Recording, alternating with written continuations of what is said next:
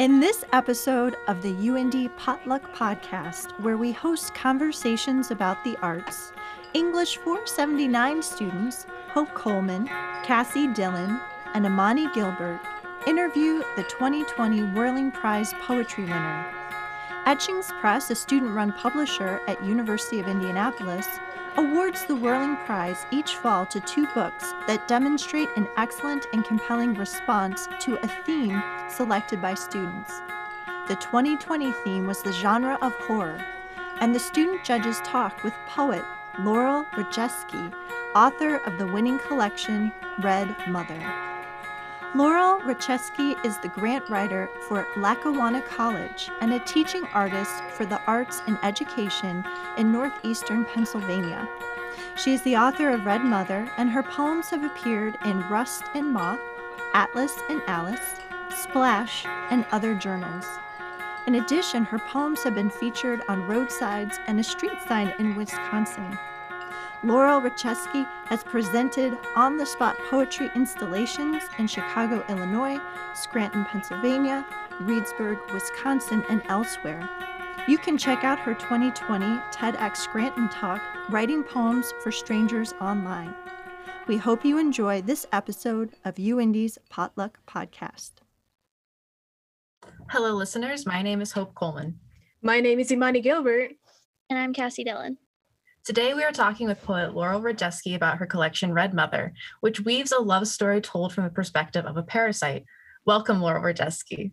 We are excited to have this opportunity to talk with you about your poetry in the horror genre. Oh, I'm so excited to talk to you too. Thank you for having me. To get started, could you let us know what your typical writing process is like? Sure. So I know that often writers are told very specific things, like you should write at the same time every day, you should wake up early and write, or you should put aside time to write five pages a day. Um, I could tell you that those processes never really worked for me. Uh, I am a constant writer. Uh, I actually I stock back to school sales July and August, and I buy a very specific type of notebook, um, very cheaply, a big stack every year and I buy them in all different colors. So I write in the notebooks constantly. And then every couple notebooks, I go back and see what I wrote and kind of start there from my drafting. And it helps to have the same type of notebook in different colors because then I can say, oh, I think that was a green poem. I can go to the green notebook. After that, I do a lot of revision. I would say that most of my poems usually take over a year. And so I will rewrite a poem over and over and over again. I might type it and then write it in freehand again. So usually by the time a poem is finished, I might have written it anywhere between 10 to 40 times. How does your background in theater influence your poetry? Well, I'm really glad that you asked this question. I don't get asked I don't know if I've ever been asked this before, but I can say that part of my background in theater is that I spent a lot of time behind the scenes, but I've also spent time acting. Uh, when I was in college, I spent a lot of time doing technical theater, uh, things like lighting design. And after college, I picked up with an adult theater troupe.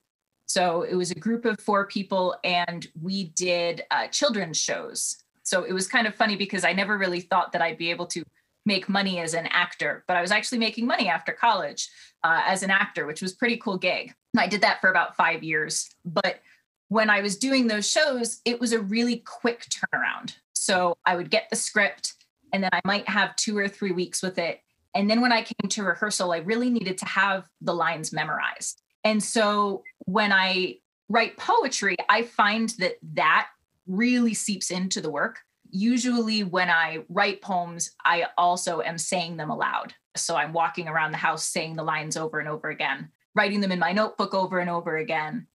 And so it's very common. I'd say not every poem, but probably at least half of them. By the time I finish writing it, I have it memorized just because I've said it out loud so much. And I think that the other way that my poetry is influenced by theater is also a bit more literally in the fact that I sw- I split my practice in two ways. So the first way is I do my poetry writing in the form of standard poems that I put out for publication or try to make into manuscripts. But the other thing that I do is I also do poetry projects to serve the public.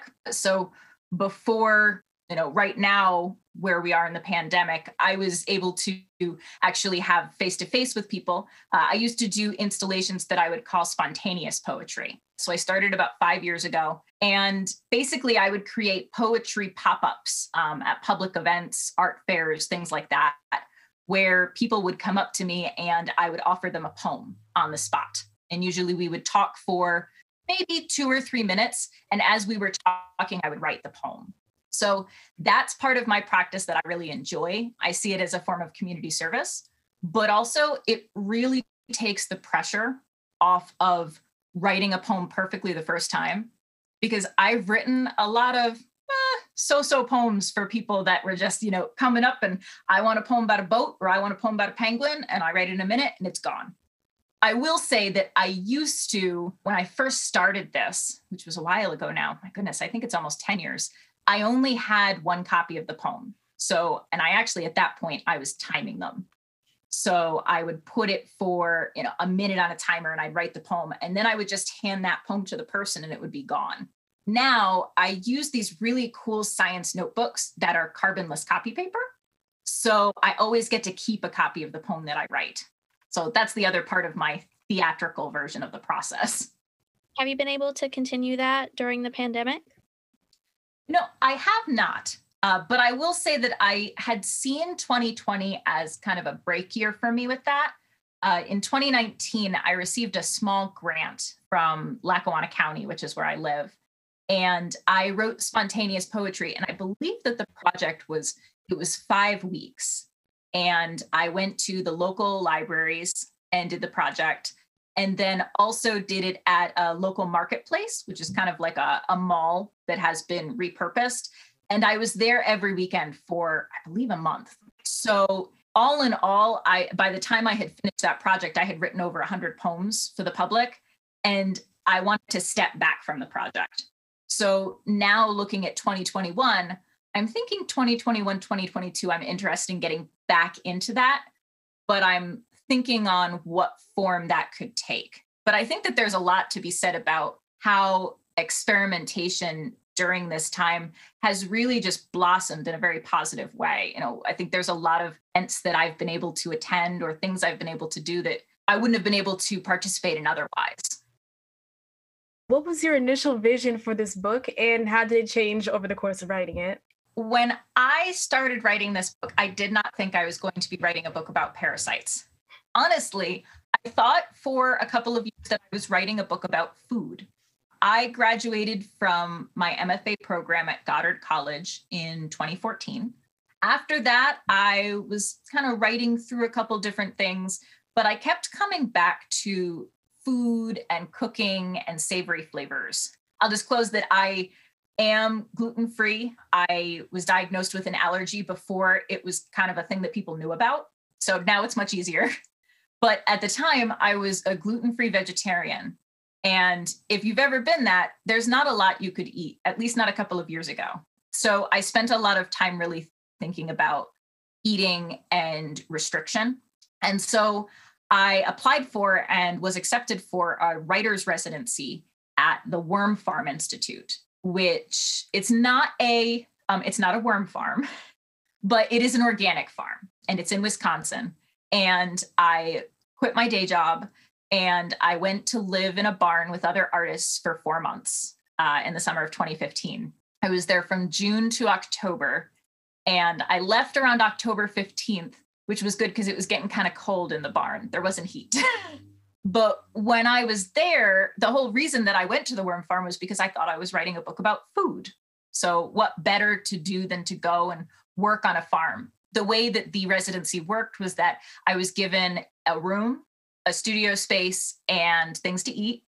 But then I had to work on the farm. Um, I believe it was three hours a day in the week. So it's that 15 hours a week. And so I spent a lot of time planting things, picking beans. But I found that I wasn't writing about food. Instead, I was writing about intimacy. And that's kind of where the parasite poems came from. I was also really fortunate because we were I so once a week I could go into town and I got a car ride in, and they had a library. And even though I was not a resident, they still let me get a library card. So I got a huge amount of books. That I might have, I don't think I said earlier, but that's also part of my process is if I'm writing a lot, I am reading nonstop and not just about what I'm writing, but just about anything. Uh, so I know when I was writing Red Mother, I read an entire book about red dye. I read a bunch of books about parasites, but then I also read a book about um, bread, you know, a huge book from like the 40s. So I think that what was so wonderful about having that experience at the worm farm was that it allowed me to just really play. And also, when I was at the worm farm, I really thought I was writing a novel. I thought that that was where this project was coming down. And when I came home, I had a lot of pages and a lot of prose. And it took, I'm trying to think. So I came back in 2015 and I gave the book to what is now my publisher, NYQ Books, in 2017. So it took two years of editing. And really, by the end of all of my editing, the only thing that remained were the poems. Did you happen to read any horror during that residency on the collection itself? You know, I'm very interested in the the concept of the genre of horror because if you'd ask me, I would say no. I didn't read any specific horror books, but I will say that a lot of the things that I read were horrifying. I, you know, especially if you're reading about parasites, it's the type of thing that could keep you up at night. but when I actually thought right down to it, I think that part of it was not so much that I was reading horror, but that overall some of the things that I was reading were unsettling. And I think that that is kind of horror adjacent. this ties into our previous question, but we were wondering what the the process of creating Red Mother was like, more specifically how you went about finalizing writing these poems and ordering the short poems that you have into the collection.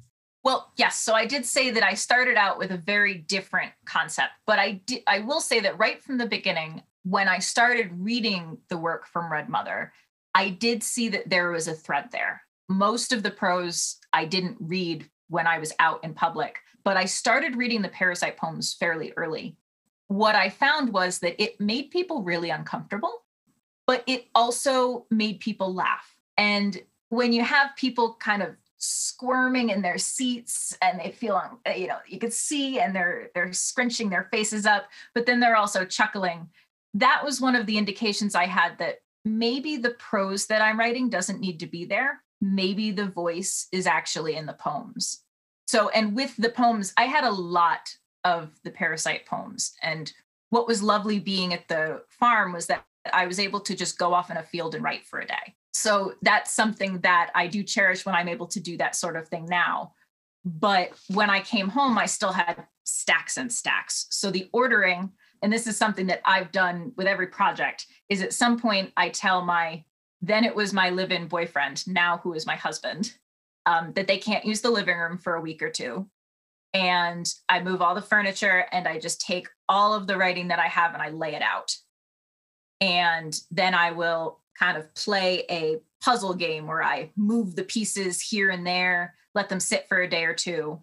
I do also read usually if I'm putting pieces in order, I will read everything through aloud. So looking for things that don't necessarily tone together or things that really do. What do you hope readers will take away from Red Mother? I hope that readers will take away a feeling of excitement about poetry. When I was writing Red Mother, I wasn't sure what I was creating. And when I finished it, I also wasn't sure when I was looking at it. I thought, well, these poems don't have titles. They're very, very short, but they're not haikus. And I'm not quite sure what this is, but I know that it's poetry. And so I would hope that when people read Red Mother, they take away from it an excitement, but also maybe an opening to say, well, poetry can be something that maybe I thought it wasn't. And that it can be about thing topics that maybe we hadn't really considered. That's amazing. Could you let us know what you're working on now? What can we look forward to in the future? So, right now, I am working on a hybrid project. So, something that, once again, isn't really poetry, isn't really prose, is something in between.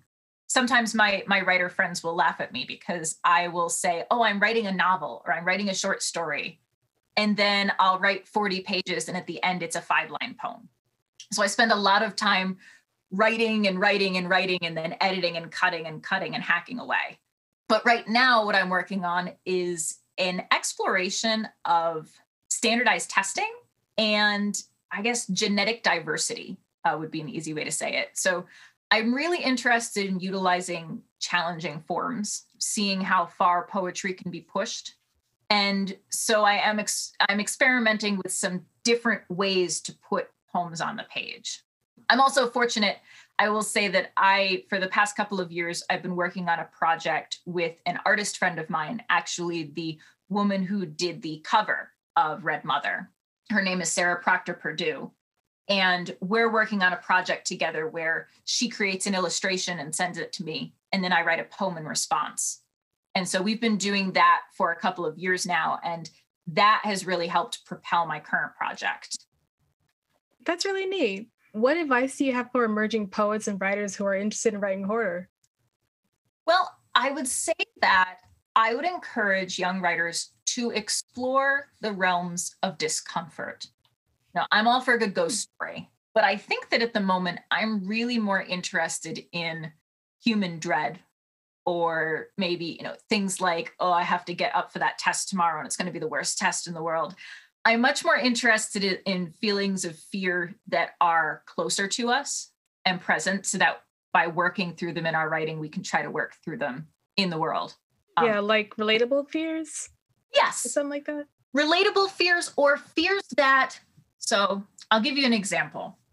Sometimes when I'm working on a project or what I'm working on now, it sometimes just because I say I'm working on standardized testing and you know genetics, if you ask me the next day, I might say, oh, well, I'm also writing about trees. And I was asked a couple of days ago by another author, what are you working on? And I said, oh, well, I actually, I live in Scranton, Pennsylvania, and we are anthracite coal region. So, I mean, anthracite coal is the most pure burning coal in the world. So, I'm also writing about that. And I think that sometimes what happens with writers is we get really stuck on this is what I'm writing about. For me, I think that one of the ways to find dynamics, but also to find some really interesting and possibly chilling things in your work, is to be writing about a lot of things at the same time because you start to find intersections you know, in Red Mother, it is about intimacy and it is about parasites, but there's a lot of other themes in there that came into play. And I think it's one of the reasons that people sometimes find the book unsettling is because it hits home in some ways that are, might be a little too close for comfort. Well, we appreciate your advice and would like to thank you for talking to us about poetry and horror. Thank you for meeting and speaking with us. We appreciate it a lot. You are very welcome. It's really been a pleasure to talk to you. And listeners, we hope you check out Laura Radzieski's collection of Red Mother. You can learn more about this 2020 Whirling Prize and Poetry winner at her website, laurelradzieski.com. That's Laurel, R A D Z I E S K I.com. Thank you for listening to the UIndy Potluck Podcast, hosted and created by students and faculty of the University of Indianapolis. We would like to thank our guest and the Shaheen College of Arts and Sciences. To learn more about the UIndy Potluck podcast and hear other episodes, please visit etchings.uindy.edu forward slash the hyphen potluck hyphen podcast. Thank you for your support.